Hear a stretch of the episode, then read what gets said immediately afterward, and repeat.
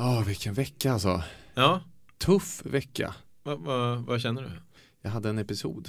Alltså? Ja, förra onsdagen eh, när jag, eh, ja, Linda åkte till Stockholm helt enkelt så jag skulle ha Alba själv Mm. eh, en natt. Och vi har ju fortfarande, alltså vi, det här måste vi prata mer om framöver. Vi har ju fortfarande inte lyckats eh, sluta med nattamningen. Nej, just det. Så att jag har ju ett helsike varje gång som, som jag är själv med Alba för hon vägrar att acceptera flaskan och vägrar acceptera mig. Mm. Så det blir att jag går då och vaggar i den här selen. Timmar efter timmar. det är det enda timmar. sättet du kan eh, natta på. Det är inte ens det att hon nattas utan hon, hon är, har mindre panik än vad hon annars har. Okej. Det är, och det, men det är en sån psykisk terror så det liknar ingenting alltså. Mm. Och ibland så får det bizarra uttryck. Det här Mhm. skedde då i onsdags. Jag tror aldrig jag har känt mig dummare, mindre och mer patetisk som människa. Aha. Men det var som att efter sju, åtta timmar av det här vaggandet så hade jag gått in i någon form av vägg. Okej. Jag kände jag hade så mycket inom mig som måste ut på något sätt. Ja. Och jag visste inte vad jag skulle ta mig till faktiskt. Så där någon gång sju på morgonen så märker jag hur min kropp tar kontrollen. Vad hände? Jo, det som händer är att jag går ut och öppnar fönstret. Mm. Så tar jag en eh, penna, en eh, bläckpenna. Och så kramar jag den jättehårt i handen. Och så kastar jag ut den genom fönstret. Det är ju, det är ju konstigt. Kasta ut en Va? penna genom fönstret. Vad hände efter det då? Känner du att eh, Jag stängde fönstret och så var vi på det igen. en sån tragisk bild också man tänker att någon går förbi utanför Ja. och ser en pappa stå och krama en penna så, så Ja. kastar du ut genom fönstret för att stänga den försiktigt igen Mm. och återgå till sitt inte veckan, vet inte. Ja, nej, men eh, om jag hade sett det för två år sedan så hade jag tyckt det var riktigt bisarrt. ja. Kanske så här orosanmälan läge. Men nu om jag hade sett det idag, då hade jag verkligen haft full förståelse för personen i fråga. Ja. Och det leder oss kanske in på det ämnet som vi ska prata om nu då. Alltså vad man gör när eh, man har barn som skriker alldeles eh, för mycket eller som man inte vet hur man ska trösta på något sätt. Oftast åker ju iPaden fram, Ja, telefonen, vad det nu är man har det är ett superspännande avsnitt. Lite speciellt, så jag tycker vi kastar igång va? Mm,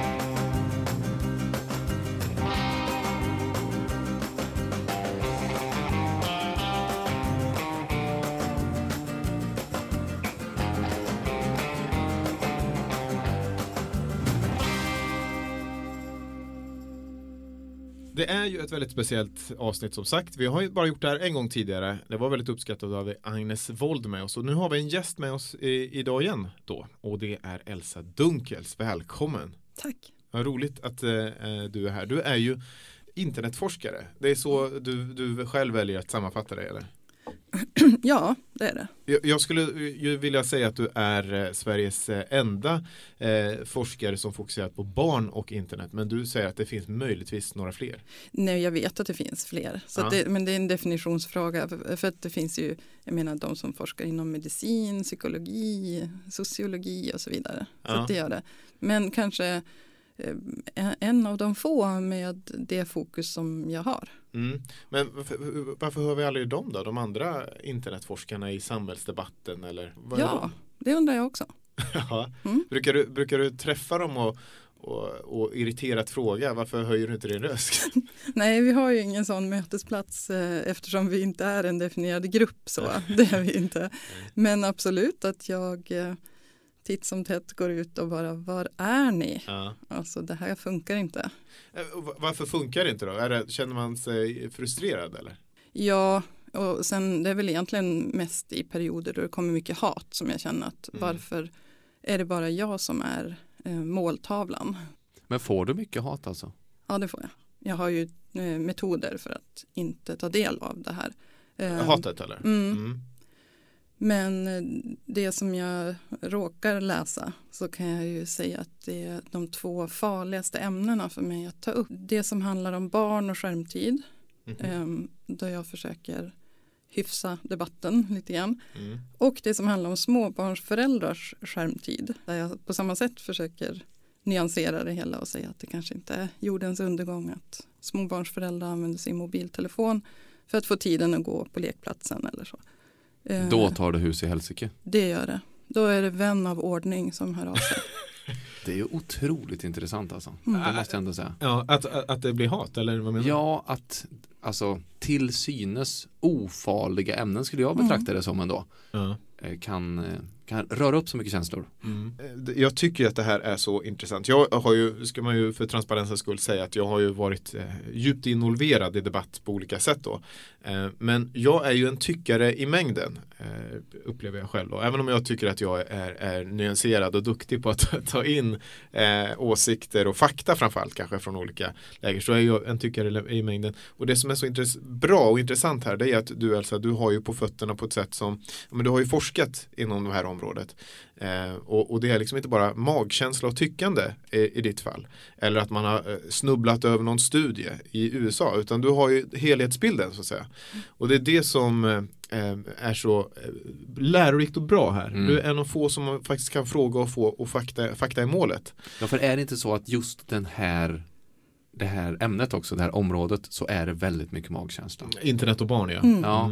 Mm. Definitivt. Som vi fångar upp en del magkänslor som Mm. finns där Ja. ute och sen så får vi se vad du med din forskarbakgrund har att säga om de eh, magkänslorna. Eh, Precis, och de här frågorna kommer ju dels från, från vår eget liv men också från våra lyssnare då som har eh, hört av sig. Vi har ju en jättefin pappagrupp alltså, som heter Faderskapstestet pappagruppen. Underbar Ja, den. det är en fantastisk. 500 initierade och engagerade pappor och de hade väldigt många frågor till dig. Mm. Så vi ska sätta igång direkt.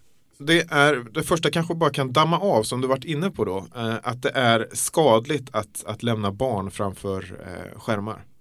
Alltså inte i sig. Det är inte så att skärmen i sig är skadlig. Utan jag tycker man ska sätta sånt i, i en kontext. När händer det här? Är det föräldrar som lämnar sitt barn i fyra timmar ensam med skärmen och, och, och så, så är det självklart inte bra för barnet. Men om man, om man bryter en, en ledsen period eller bryter väntan på mat med att titta på någonting eller att barnet vill roa sig en stund och, och, eller lära sig någonting så är det såklart som alla andra aktiviteter. Det är, det är ganska neutralt i sig.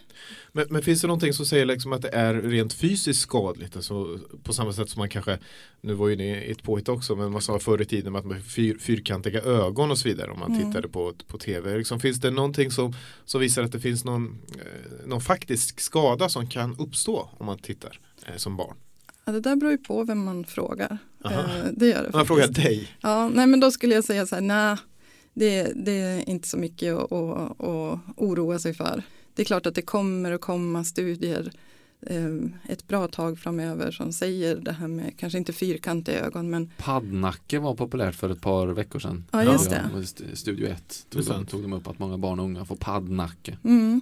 Ja, det, det är klart, det, det kan man ju försöka motverka på olika sätt. Men, men sånt där har alltid hänt. Vi hade, när järnvägen kom så pratade man om railway spine som var en förmodad sjukdom. Och där hade man också sån här populär oro som inte var grundad i vetenskap med att hjärnan börjar koka över en viss hastighet och så vidare. Så att det, det, det där att, att Superrimligt, både, håller med. ja, både att vetenskapen och eh, vad ska vi säga, populärförfattarna hänger ju med i folks oro. Så därför Aha. kommer vi att se sådana varningar och då tycker jag man ska tänka så här att ja, men är det här relevant för just mitt barn? Kommer, kommer det här att vara en sån stor risk att jag eh, vill beröva mitt barn de här möjligheterna? Att, att det måste man väga mot varandra och där, där måste man ju egentligen varje vettig människa måste säga nej, de här riskerna är så små medan möjligheterna är enorma. Mm, vad, vad, vad är möjligheterna, vad menar du då? Eh, Ja, att om man, om man tänker sig att man låter ett barn stå utanför digitaliseringen Mm. så kommer det att medföra så mycket nackdelar för det barnet. Man behöver inte ens eh, tänka så här på framtida arbetsliv, man kan tänka på deras barndom bara. Att, eh, till exempel utifrån mitt primära forskningsområde så vet man att nätvana barn är generellt tryggare på nätet. Det är inte Mm. konstigt. Eller hur? Jag menar, det. barn som lär sig cykla tidigt är ju Mm. duktigare Mm. sen och, och kan undvika olika Har man lekt risker. mycket i en skog så lär man ju känna den skogen. Precis, och Mm. det, det är samma sak här. att och, och, Om man då sätter upp hinder för barnet att utveckla den motståndskraften Mm. så har man ju inte hjälpt barnet utan precis tvärtom. Mm. Eh, Så därför tycker jag att man ska sätta alla såna här varnings, eh, alla såna här larm som kommer Mm. i relation till det här och tänka att ja, ja, men kanske ändå att det här är lite grann railway spine Mm. över just den här rapporten. Men det finns ju också någon sån här magkänsla som är att barn, dagens ungdomar har glömt bort hur man leker, som, alltså på riktigt, hur man leker som, på ett vanligt sätt. Mm. De sitter för mycket framför skärmarna så ja, men de vet inte ens vad de ska göra när man släpper ut dem längre. Mm. Alltså, eh, vad har du att säga om den ja, magkänslan? det där handlar ju om att vi alla har en tendens att romantisera vår egen uppväxt. Alltså det verkar som att även de som har haft en ganska dålig uppväxt romantiserar den på olika sätt. Och, och säger att ja, men, vi lekte med kottar eller vi satt och hade tråkigt och då kom vi på en massa saker. Så att man kan även vända det här som, är, som var jättenegativt när man var barn. Leka med Ja. kottar, det var ju skittråkigt. Ja, att man kan ändå lyckas vända det till någonting positivt. som ja. önskvärt för Ja. ens egna barn. Ja. Åh gud vad jag känner mig träffad alltså. Och där gjorde jag faktiskt en liten snabb så här fusk eh, genomgång av, av lite forskning omkring att ha tråkigt. Mm. För att jag, jag blev så trött på att höra det där. En sån här grej som väldigt många säger att det är nyttigt att ha tråkigt. Mm, Därför mm. att då, ja, och sen så är det lite luddigt vad det är som ska hända där. Men, men det i alla fall anses Inte vara minst nyttigt. mina föräldrar så är det hela min Mm. uppväxt och jag själv har längtat efter det när jag, när jag får börja säga det till min dotter. Du har längtat Mm. Efter att längtat säga efter, det? Ja, för Varför att, har du längtat efter det? ja, för att nu ska hon ha så himla mycket hela tiden och det, det ska, Mm. Hon ska uppmuntras på alla sätt och vis och jag vill bara säga till henne, det är nyttigt att ha tråkigt. Men ehm, ja, mm, okej, Ja. fortsätt. Ja. Nej men då visar det sig att, ja för det första, att ha tråkigt är ju inte ett väldefinierat begrepp såklart, att det är lite krångligt. Men, men det finns olika sätt att reagera om man utsätts för allvarlig uttråkning. Och för en del så blir det så att man kommer på grejer. Mm. Hittar på ett nytt företag, målar en vacker tavla, alltså blir väldigt kreativ. För andra så blir det en, en väldigt destruktiv känsla där man kan gå ner i någon sorts självdestruktivitet. Och i den gruppen som reagerar så, så hittar man fler missbrukare, man hittar fler självskadare och så vidare. Och då, då, då tänker jag så här att vi måste ju vara försiktigare med att ge råd så att vi inte ger ett sånt felaktigt råd till en, en person som det kanske inte funkar för. Att Nej, vi, vi, man kan säga så här till sig själv. Jag vet att jag mår bra av att ha tråkigt. Sitt och ha tråkigt, fine. Mm. Men dra inte in andra människor i det. Och framförallt inte en, en annan grupp i samhället och en svagare grupp som ju barn är. Som Mm. inte, ofta inte har en egen talan. Mm. Så att sådana, den typen av floskler tycker jag att vi behöver syna. Särskilt i den här upphettade debatten som är nu. Men, och det du säger då är egentligen inte att det behöver vara fel. Alltså det kan vara rätt eh, för Rasmus till exempel att uppmana Alba att, att hon ska ha lite tråkigt ibland. Men att, att det generella, den generella moralkakan, att det sk- skulle vara en lag att man måste ha tråkigt. Det, Mm. det är någonting vi behöver liksom göra upp med. Och, Absolut, och och om man märker att just mitt barn, det här, det här barnet, Ja. inte kanske alla mina barn eller så, utan just det här barnet blir så himla glad och nöjd av att sitta en stund och inte veta vad som ska hända härnäst. Mm. Ja, men då kan man ju absolut, Mm. och då kan man ju vara öppen med det också. Att jag vet att du blir så himla eh, glad när du har Ja. gjort så här, så nu tar vi bort den här plattan en stund. Mm. Mm. Ja men exakt, att man, att man är lyhörd egentligen. Ja, Mm. det handlar ju om det. Titta ett barn i ögonen och sen agera på det man ser. Den här tänker jag är viktig. Barn tar skada av föräldrars skärmtid och, och den uteblivna närvaron på grund av den. Mm, absolut, att barn tar skada av att eh, föräldrar inte engagerar sig i dem generellt, det har inte med skärmar att göra. Nej. Så är det ju. Att, att barn som blir ignorerade, som aldrig får ögonkontakt, som aldrig får kroppskontakt, eh, far ju väldigt, väldigt illa. Så det kan ju inte betonas nog. Men det jag vänder mig emot det är det här att man plockar ut just skärmar som det farliga. Mm. Men det, de flesta vuxna måste syssla med annat än att bara ha ögonkontakt och kroppskontakt med sina barn. Ehm, Jag tror inte heller det vore önskvärt att man hade det hela tiden utan man måste dammsuga ibland och diska och läsa tidningen eller vad det är för någonting. Mm. Och, och de aktiviteterna fråntar ju också barnet ögonkontakt och kroppskontakt. Men där tänker vi inte att det är någonting dåligt och man tänker också att man under vissa perioder av dagen som det här eh, samspelet ska ske. Om det uteblir helt då, är det ju, då pratar vi om en familj i kris. Då Mm. pratar vi om eh, vuxna som behöver stöd från, från vården. Eh, vi pratar inte om en normal familj då. Mm. Men pratar vi om en normal familj att, att man tittar på sin skärm istället för att ha med sig tidningen när man sitter på en lekplats. Där ser inte jag skillnaden. Nej. Många kanske vill säga att ja, men skärmen suger in en mer i uppmärksamhet. Ja, men så är det ju för många. Mm. Men jag blir ganska uppslukad av en bok också när jag sitter och läser. Mm. Men är det, för det som man eh, argumenterar emot i, i de fallen då det är ofta att, att ehm, tidningen har ett sånt tydligt slut. Eh, Medan mobilen har inget slut. Mm. Och att oavsett hur djupt vi är insugna så är vi ändå kanske vi spenderar mer tid med mobilen. Och, och, att, och att, att den är så lättillgänglig vid varje tråkigt tillfälle och så fort barnet tittar bort så ta upp mobilen istället. Mm. Men finns det, eh, säger du att, att det är ett problem först när man inte har någon kontakt alls? Eller, Ja, liksom, eller, det, eller när det går ut över barnet. Och, Hur och vet man där, det då? Nej men det vet man ju inte. Det är en, en avvägningsfråga. Det är samma med dammsugning. Att det finns ju de som faktiskt städar för mycket. av många skäl. Ja. Inte bara liksom, hygien. Men alltså verkligen så här. Som inte bryr sig om sina barn särskilt mycket. Men det är inte bra. Problemet blir den här inblandningen med skärmen. Och samma sak här tycker jag att man kan tänka att okej, jag har identifierat att jag har ett problem. Mm, Jag umgås inte mer när vi sitter här och träffas utan jag stirrar bara i min skärm. Då, då får jag uppmana mig själv att nu får jag skärpa mig, nu får jag tänka efter. Det är en sak. Men Mm. sen om jag skulle säga det till alla andra. Att nu får ni sluta med era skärmar. Jag har ingen rätt att säga det till någon. Jag vet inte vad det är som händer på deras skärm.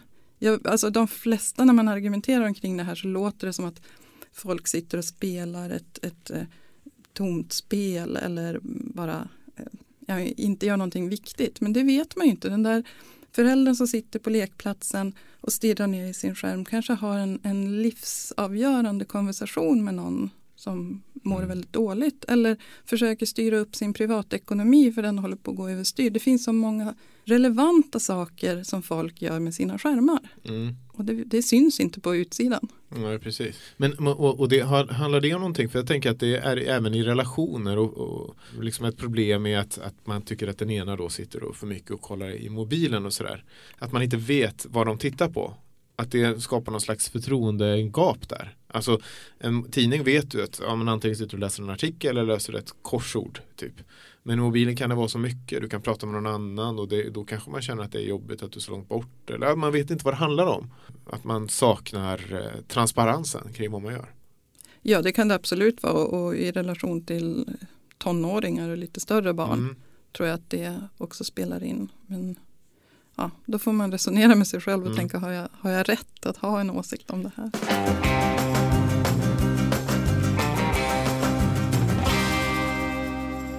Vi har ju samarbetspartner till den här podden. En av våra favoriter som har gjort eh, comeback i podden. Det är ju Mat.se. Mm. Jag började ju ganska skeptisk eh, till dem. Men eh, jag är ju omvänd alltså. Du har, du har övertygat. Ja, sista spiken i den gamla kistan tror jag Ja. kom nu i, i eh, eftermiddags faktiskt. Aha. En sak som man saknar mycket som pappa. Vet du Mm. vad det är? Nej. Öl. Jag var ute och dricka öl. Aha.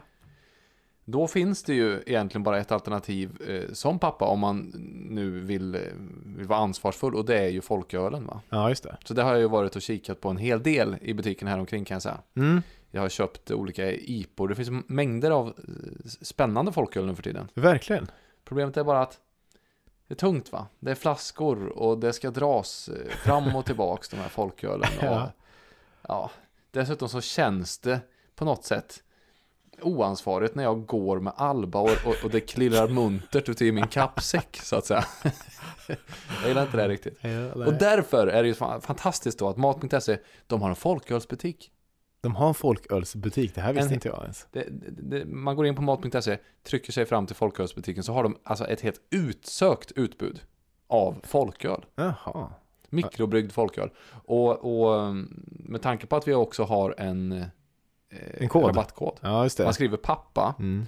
så kan man handla för 500 kronor, betala bara 300 kronor. Ja, om, det, om det är första gången du är kund. Det här Där- betyder ju folkölsbuffé nästa alltså. kan inte hitta så billig eh, mikrobryggd folköl någonstans då om du köper för 500? Nej, det är sant. Så jag vill uppmana alla pappor att göra det bara. Och du kanske kan köpa då så att du kan visa upp här lite till nästa gång. Ja, varför inte? Tack Mat.se. Men en annan magkänsla då? Det här är magkänslan som jag själv och eh, min flickvän har haft väldigt starkt faktiskt också. Och det är det här att man bör begränsa sina barn till ett klipp. Så de inte får för mycket intryck. I vårt fall så har det blivit den här långa versionen av Babblarna. Som alltid har åkt fram vid bilresor. Eller Pippi. Det är de två som vi har haft varierat då. Och då är tanken att ja men det här är ett klipp som de är vana vid och det blir inte för hjärnan rusar inte igång alldeles för mycket och sånt där. Jag hör själv att det låter väldigt dumt. Ja, Här är magkänslan i alla fall. Vad Ja. har du att säga om det? Nej, men jag känner lite grann att jag svarar på det själv när Ja. du börjar skratta där. För att, eh, och och här, här kanske man skulle ha, ha frågat en hjärnforskare samtidigt som man måste tänka så här att är det här eh, den här personen jag frågar, är det någon som kan någonting om barn och internet? För det är ju det att barn består ju inte bara av en hjärna utan de består av en, resten av kroppen, de består av en sammanhang och en situation och så vidare. Så att eh, det finns ju, ja, jag kan egentligen inte svara på den frågan om, om hjärnan kan rusa iväg överhuvudtaget eftersom jag inte har, har studerat sådana studier. Men, men jag vill också samtidigt då varna för vem man frågar. Att man Ja, måste veta att det är någon som kan sätta det här i rätt kontext. Men eh, ja, just det, du delar inte min magkänsla i alla fall kan man säga. Absolut inte, jag tyckte Nej. det lät jättetråkigt att ha bara två klipp att välja på. Men Ja. Men har du några tips då på, på vilka andra klipp som man kan se? Alltså finns det så, du har kollat mycket Mm. på barnklipp så antar jag. Ja, men, men om vi pratar om gamla YouTube för ett år sedan eller någonting, jag vet Mm. inte exakt, Mm. så tycker jag att det är så otroligt intressant att se vad, vad många barn väljer själva. Och jag tänker att det är första gången i, i nedtecknad historia i alla fall som barn själva har kunnat välja eh, sina kulturella uttryck. Små barn pratar jag om. För Mm. Det är klart det Mm. finns barnvagnsbio och babyteater och så. Men då är det föräldrarna som skaffar biljett och går iväg och, och så. Här sitter barn och väljer själva. Och väljer ofta sånt som föräldrar står helt frågande inför. Varför sitter hen och tittar på unboxing av leksaker? Eller unboxing av Kinderägg? Vad händer? Alltså, Mm. det är ett sånt fascinerande fenomen för mig. Dels att, att, att barn då kan välja själva. Eh, att de väljer sånt som vuxna bara tycker är skräp. Mm. Också det faktum att så många vuxna tycker att det är skräp fast så många barn är intresserade. Varför det inte finns ett större intresse av det här intresset. Mm. Alltså, ibland när jag föreläser så brukar jag fråga vad, alltså kan, eh, namedroppa några sådana här stora kanaler och fråga hur många som känner igen det namnet och det är hemskt få som Ja. gör det, Kan du inte göra det som nu ändå då? jobbar. ja men jag tänker Ryans Toy Reviews är ju en, en sån och, eh, och DC Toy Collector. eh, som, koll. är de här som är, är väldigt stora. Och då, då tänker jag egentligen så borde alla småbarnsföräldrar, alla som jobbar inom förskolan borde bara kunna rabbla de här bättre än jag, för det är egentligen inte mitt forskningsområde.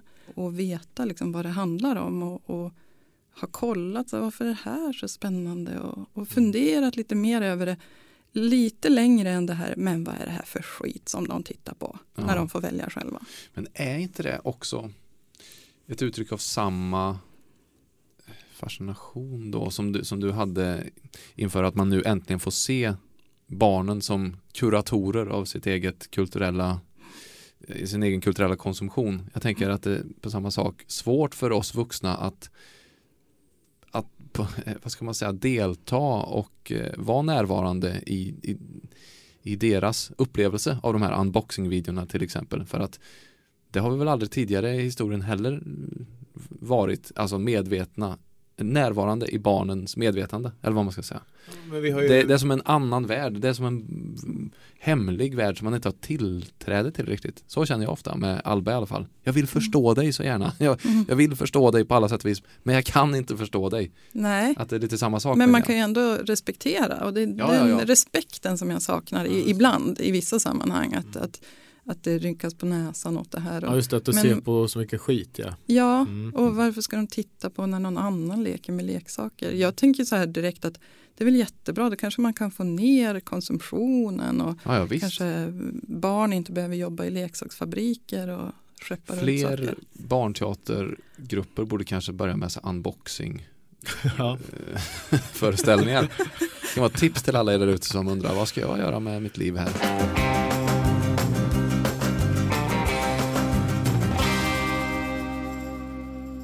Annat framtidsperspektiv som jag funderar på en hel del och det har att göra med att jag delvis har blivit kritiserad och delvis eh, ja, kritiserat mig själv också för att eh, lägga upp bilder på mitt barn på sociala medier. Mm. Det är något som jag ja, egentligen kämpat med internt sen jag fick barn. Mm. Alltså ska jag göra det, ska jag inte göra det? I vilken utsträckning ska jag göra det om jag gör det? Men på sista tiden så har jag också börjat fundera på om det motsatta kanske också eh, är lika rimligt i ett framtidsperspektiv. Alltså att, ett, att mitt barn då skulle kunna bli ledsen och besviken på mig för att jag inte har publicerat under hennes uppväxt. Alltså hallå, alla mina kompisar de har ju de här fantastiska fotoalbumen och, och så vidare. Jag har ingenting. Så att nu känner jag att här står jag och väger väldigt Som att mycket.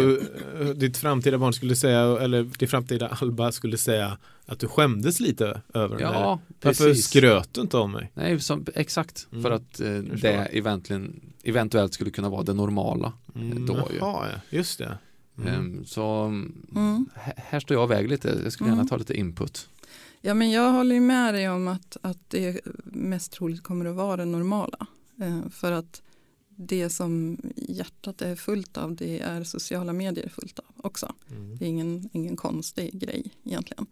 Och eh, jag tror att den där oron som, som du pratar om den kommer sig av de idéer man hade på 90-talet om att, att det var farligt att publicera eh, bilder på barn och så vidare. Eh, Och även av sig själv. Att, att man på olika sätt kunde hamna i, i olika faror om, man hade, om det gick att identifiera personer på internet. Jag menar, vi har passerat det stadiet för länge, länge sedan. Jag tror ju snarare på en stor öppenhet. Jag tror också på, på att det är bra att, att själv ta kommando över presentationen av sig själv och sin eh, omgivning. Därför att då ökar chanserna att det är min berättelse som slår igenom. Om, om någon vill ta reda på någonting om mig så har jag större chans att vara den som berättar det själv. Eh, så att jag, skulle, jag förordar ju en sorts kamikaze-liv på nätet och jag lever så själv också väldigt öppet och eh, transparent. Eh, för att jag tror att det är bättre för mänskligheten om vi alla var väldigt generösa och inte bara med det positiva såklart utan även det som är jobbigt och där man behöver hjälp eller vad det är för någonting. Känner mig stärkt i att faktiskt publicera bilder. Känns Mm. skönt också för att det är något som jag, precis som du säger, hjärtat är fullt av det. Mm. Så att det har blivit att jag inte publicerar något då istället. Nej, För att det enda jag vill är ju egentligen Alltså det känns falskt att publicera något annat om man, ja. Mm. Du, jag tänkte vi ska ta en fråga eh, till innan vi ska gå in på våra eh. YouTube-framgångar så att säga. Eller eventuella framgångar. Ehm, och det är eh, någonting som jag har reflekterat mycket över eh, efter att en kompis till mig vars barn eh, plötsligt i somras lärde sig engelska. Hon är fem sex år tror jag. Hon har suttit i baksätet på bilen och sett någon australiensk eh, ja, kanal. Och eh, plötsligt började hon liksom kommentera saker utanför bilen på engelska bara. Och så bara välde det fram engelska. Hon hade aldrig hört det eller sett det någon annanstans än just på YouTube. De hade pratat i familjen eller så. Och, och hela den sommaren så blev hon, blev hon flytande, började hon flytande prata engelska. Och där känner jag att wow alltså, fatta vilken möjlighet ju. Och det här vill jag ge Billy också. Men, men det är en så svår balans. Alltså, dels så kanske inte alla är, är, är läs eller språkgenier på det viset som jag antar att det fanns något latent av eh, hos, hos henne då. Och jag vet inte hur mycket man ska pressa på att du ska se. Men finns det, finns det sådana här saker, så finns det någonting att barn hämmas, tänker jag, eh, om vi inte ger dem eh, access då eh, till, till internet och, och vissa typer av YouTube-klipp eller vad det är för någonting. Finns det, någon, finns det något sånt som du kan se eller eh, i, i forskningen eller så? Mm. Ja, alltså det beror på vad man, vad man tänker sig att, att man det är klart att man hämmar ju inte barn, det är inte så att man håller tillbaka eh, någonting som håller på att ske. Men man kan ju absolut eh, liksom, eh, spä på eh, kunskapsinhämtandet mm. med hjälp av skärmar för det är så lättillgängligt och det, det kan innebära sån otrolig repetition ja. också mm. som en, en vuxen inte orkar med. Alltså man har ju liksom en gräns för hur många gånger man orkar läsa Maxlampa i samma session.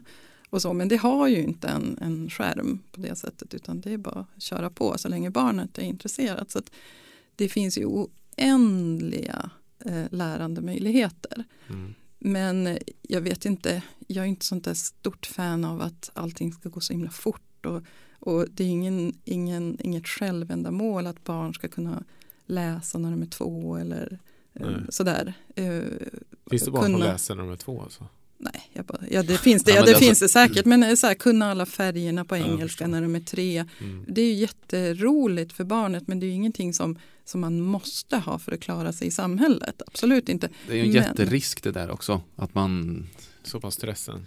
Ja, men för att det är ju bara en liten aspekt av livet. Eh, jag menar, det är inte säkert att man är emotionellt mer utvecklad eller så. Jag försöker att Gud, det är så lätt att dras med i den där stressen. Ja. Det, för det låter som en stress det du säger. Att lära sig saker? Ja, men att du känner att nu, Billy ska nog också Ja, men det är inte stress, det är mer att jag vill inte vara en bromskloss i, eh, för hennes eh, lärande. Alltså mm, jag vill inte, jag vill, jag vill mer ge henne de verktyg som hon behöver. Eh, och, mm. och det är då jag tänker, borde jag kanske liksom eh, Ja, hur ser jag till att inte bromsa mm. henne?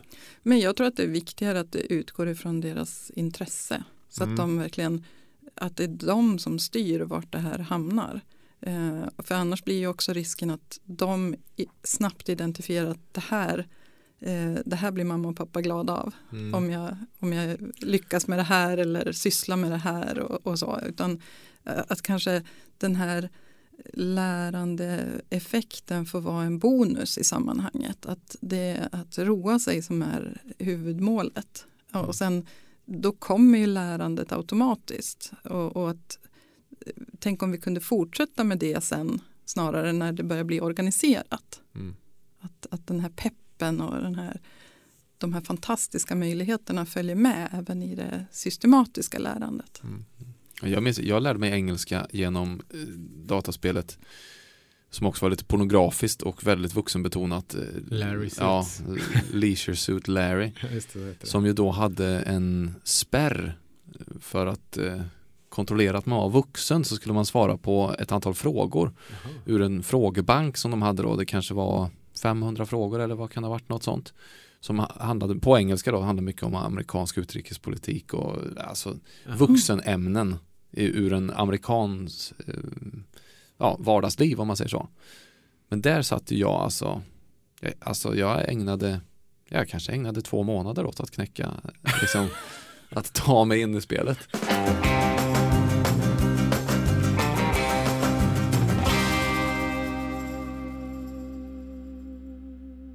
Lite latte, kaffepaus här. Nu var inne till och med att säga slattepaus. Ja men det är ju perfekt för det är ju där det handlar om det här. Vi är ju sponsrade av eh, Lövbergs. Ja det är vi. Och de har ju ett eh, rätt roligt koncept då som de kallar kaffeslatte. Ja, det handlar ju då om att man, man häller ut så otroligt mycket kaffeslattar mm. i det här landet. Det är liksom en liten bortglömd, eh, alltså ett bortglömt eh, förbättringsområde när det kommer till kaffedrickande. Mm. Vi häller ut så mycket som var tredje kopp mm. eh, faktiskt.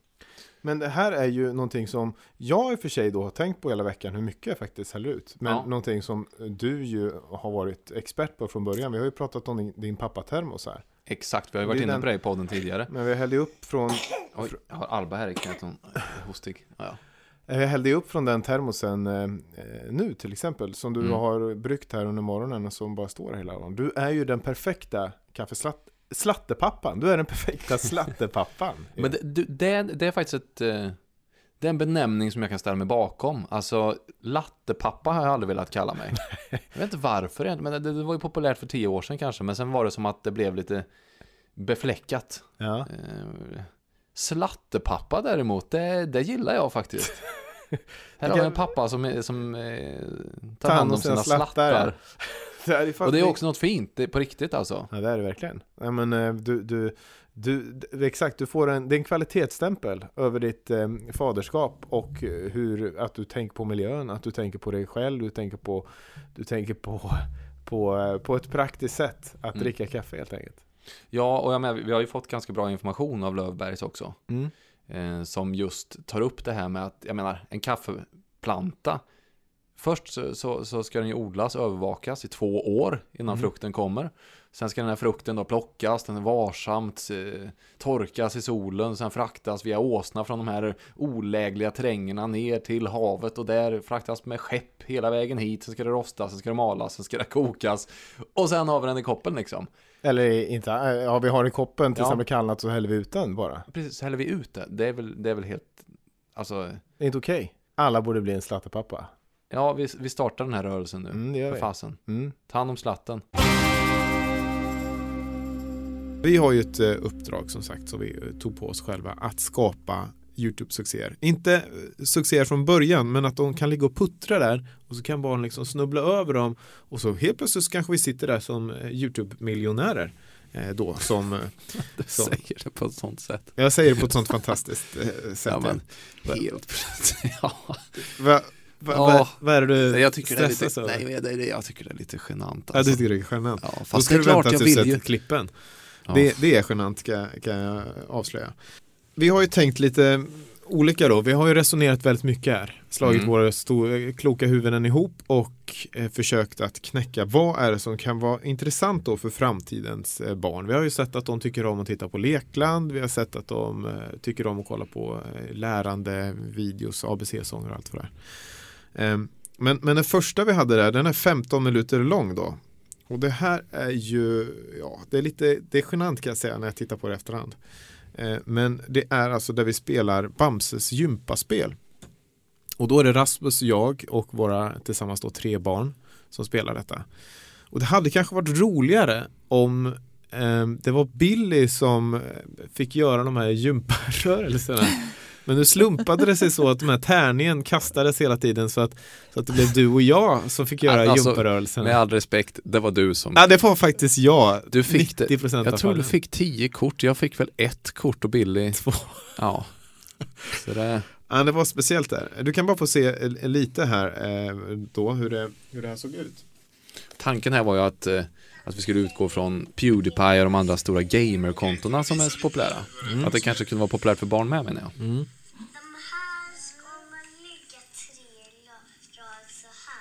Mm.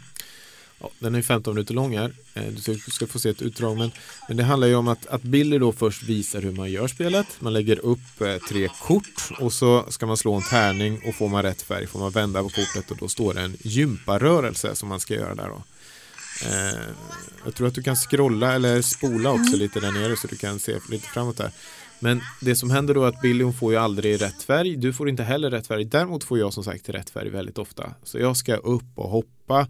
Jag ska daska mig själv på rumpan. Det är en lite konstig sak eh, som vuxen att göra när man riktar in sig till barn. Stå på alla fyra och smiska sig på stjärten. Jag klippte faktiskt bort det för att det kändes, det kändes över gränsen alltså. Alltså, det gjorde du. Alltså när man skulle stå kräftgång då så skulle man liksom slå sig själv och rumpan underifrån. Det, ja, jag Ja, men vad tror du? Vad tror du om det här spontant alltså? Skulle du passa in på någon kanal? Inte någon kanal som jag har sett. Nej. Inte någon Men, kanal. det är eh, en bra sammanfattning. Eh, för att det här Ja. är så unikt va? Exakt så Ja. menar jag. Mm. Men så är det ju ofta med de där klippen. Det, det är så vi har tänkt i alla fall att man får hitta något som ingen annan har gjort och sen hoppas bara på att eh, barn tycker, tycker Mm. om det. För det är ju precis så om man återgår till det eh, som du sa tidigare också att man vet, man vet inte vad det är i, hos barnen som gör att de tycker om just det och det. Så det går ju inte att räkna ut egentligen. Nej, Hur mycket inte. man än försöker. Åh, kan det vara det? Kan det Ja. vara... Men Mm. skala, eller skala 1 Mm. till 5, vad, vad får du för betyg? Jag tror ju inte att det blir mer än en tvåa faktiskt. För att jag, eh, jag tror att det är lite för ofokuserat. Om Ja. jag tänker på de, eh, de riktigt populära klippen så är de ganska eh, inzoomade. Mm. Det händer inte saker runt omkring som stör. Nej, utan det är det. ganska eh, Rent, ja. Ja, det är rent men, men också alltså folk som leker så är det snarare mer utzoomat så att det blir fokuserat så att man kan se hela personerna och vilka som Just rör sig. det. Som har var. kontexten ja. Ja. så, just det. att, så att det inte är kameran som bestämmer, ha nu ska jag titta här ja, just det. och nu ska Man jag titta välja. där utan man, man ser det är ju ganska så simpelt Mm. eh, så är det uppställt eh, en kamera och så kör man. Mm. Det här, att, nu- nu går jag igång på det här väldigt alltså, för Ja. det känns som att jag Ja, men jag tänker att vi ska ta ett emellan eh, din Alltså, där okej. då. Mm. För att jag tänker att det här är då i så fall bättre än det du såg eh, utifrån den principen. Ja, nästa klipp är då att vi sjunger barnlåtar helt enkelt. Som en eh, Stjärnfamilj. stor, stor lycklig eh, stjärnfamilj. Ja, det är ett antal eh, populära barnlåtar.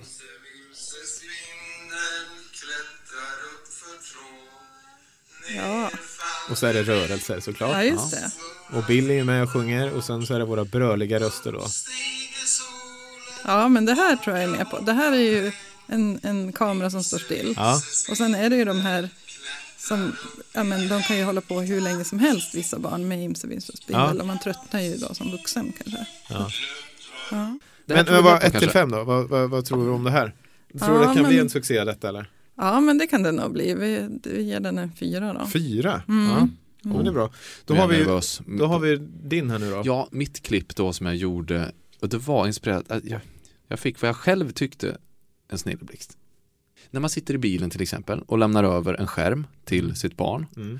Vad man vill uppnå det är ju att man vill att den här skärmen ska agera barnvakt i någon mån. Man vill ju att den ja, ska Underhålla, underhålla barnet helt fängsla. enkelt. Mm. Ja, men många föräldrar vill att det här barnvakten då inte ska vara för mm, mycket intryck så. Lite grann Mm. som jag var inne på tidigare då, att vi bara kör Babblarna eller Pippi eller så.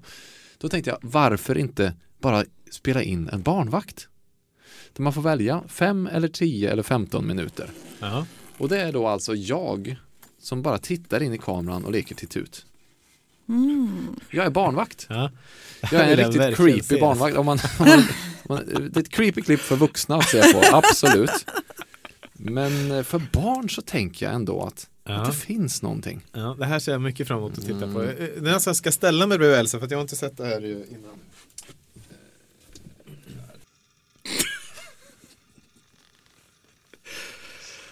Ja, det, det som händer är alltså att, att vi ser ett, ett väldigt eh, eh, vad ska man säga, ljust klipp är det ju också. Eh, på närbild, det är du, det är ditt ansikte och du gör titt ut. Väldigt Jag försöker vara så gullig som möjligt också. Ja, men för jag tänkte att små barn älskar när vuxna människor ger dem ögonkontakt bara. Alltså att man står och jollrar över, över eh, vagnen eller så. Att Ja. man står och tittar. Bara att man är där. Intensivt där. Så jag tänkte närbild, ögonkontakt med kameran hela tiden och så titta ut. Hur länge håller det där på? Jag, eh, jag har ett fem minuters klipp, ett tio och ett femton. Det beror på hur lång, eh, hur mycket barnvakt man vill ha va? Om man ska bara springa ner till tvättstugan så tar man ju fem minuter. Men eh, om man ska ta ett bad, då, då kan man ju slänga på 15. Obehagligt. Ja, Men tanken är att jag ska bygga ett imperium, alltså ha olika barnvakter också. Kan man barn ha lite olika favoriter? Nu tar vi Rasmus här igen, 15 minuter Rasmus tar vi. 1 till 5, vad säger du Elsa? Ja, alltså det där är ju en genre för sig så att jag tror den är svår att betygsätta för Ja. att ehm, alltså när det gäller creepiness så får den ju fem av fem. fem av fem Hannibal eh, Ja. är den skalan då. Men alltså när det gäller idén, det är ju en lysande idé. Har ingen gjort det alltså? Jag har inte sett det alltså. Nej, inte sett. Då vi får se. För eh, den, den balanserar ju också mot den här oron som du hade. Mm. Att, eh, som är så, den är ju så intressant därför att man vill alltså ha eh, att barnen ska ha det roligt och, eh, och så. Men det får inte vara för roligt. Nej, De får precis. inte bli för uppslukade. Alltså det är så absurt Ja, att just tänka så. Mm. Det är klart att man vill det bästa åt sina barn. Men just när det gäller skärmar så blir vi helt så här, Ja. eh, nervösa och skakiga och bara, men kanske inte jättekul då. Mm. Och då skulle ju det här vara eh, den perfekta balansen för vissa som tänker så. Ja, här ska jag vi tänkte bara precis ha lite cyniskt. färger, det ska inte vara särskilt uppslukande. Barnen ska tänka, ah, vad skönt när man tar bort skärmen. Mm. Nu är det här slut. Och också att det är eh, jag kan inte erbjuda en vuxen mm, vanlig person som är närvarande med dig nu men jag har en inspelad Jag här har en rast. som, som vi kan ta istället. Ja. men Okej, men vad totalet då? Vad blir det? Blir det om det var femma femma creepiness, vad, Mm. vad blir det ändå på Nej, men på idén, Elsa-skalan? ja, men på idén så är det absolut en femma. Ja, vad därför att, spännande då. Mm. men, men, Frågan men det är det just går. det där att jag är så tveksam till idén samtidigt. Ja, eftersom ja. det, det. det handlar nästan om att tona ner roligheten till ett minimum. Ja, Så att- ja. Så det, vad jag utläser av det här är att eh, det får en, en cynisk femma. Ja. Ja, just det. En cynisk femma. Vi, vi hoppas att inte utvecklingen går åt det här hållet men om det gör det då vill jag vi bli miljonär i alla fall. Och de här klippen finns ju givetvis på vår YouTube-kanal för den som vill se faderskapstestet heter det där. Så sök upp dem där och, och titta själva. Tusen tack. tack. Verkligen Elsa, tusen tack för att du kom hit. Elsa Dunkels, alltså internetforskare eh, och som har hjälpt oss att sortera i den här internetvärlden, digitala världen. Eh, Ja, det har varit en väldigt upplysande stund för mig. Jag tror, Jag ja, hoppas att eh, även lyssnarna känner likadant. det tror jag också att de gör. Inte minst har de fått svar på flera av de frågorna som de skickade in innan. Eh, så igen, stort tack och tack för att du orkar och engagerar dig i den här debatten som en av få då internetforskare i Sverige som faktiskt gör det. Stort tack för det och fortsätt med det. tack. Mm. Fortsätt vara en motvikt mot magkänslan. Ja, precis. Och det tackar vi för avsnittet också den här gången, eller hur? Ja, det gör vi. Mm. Vi ses igen nästa vecka. Oh yeah.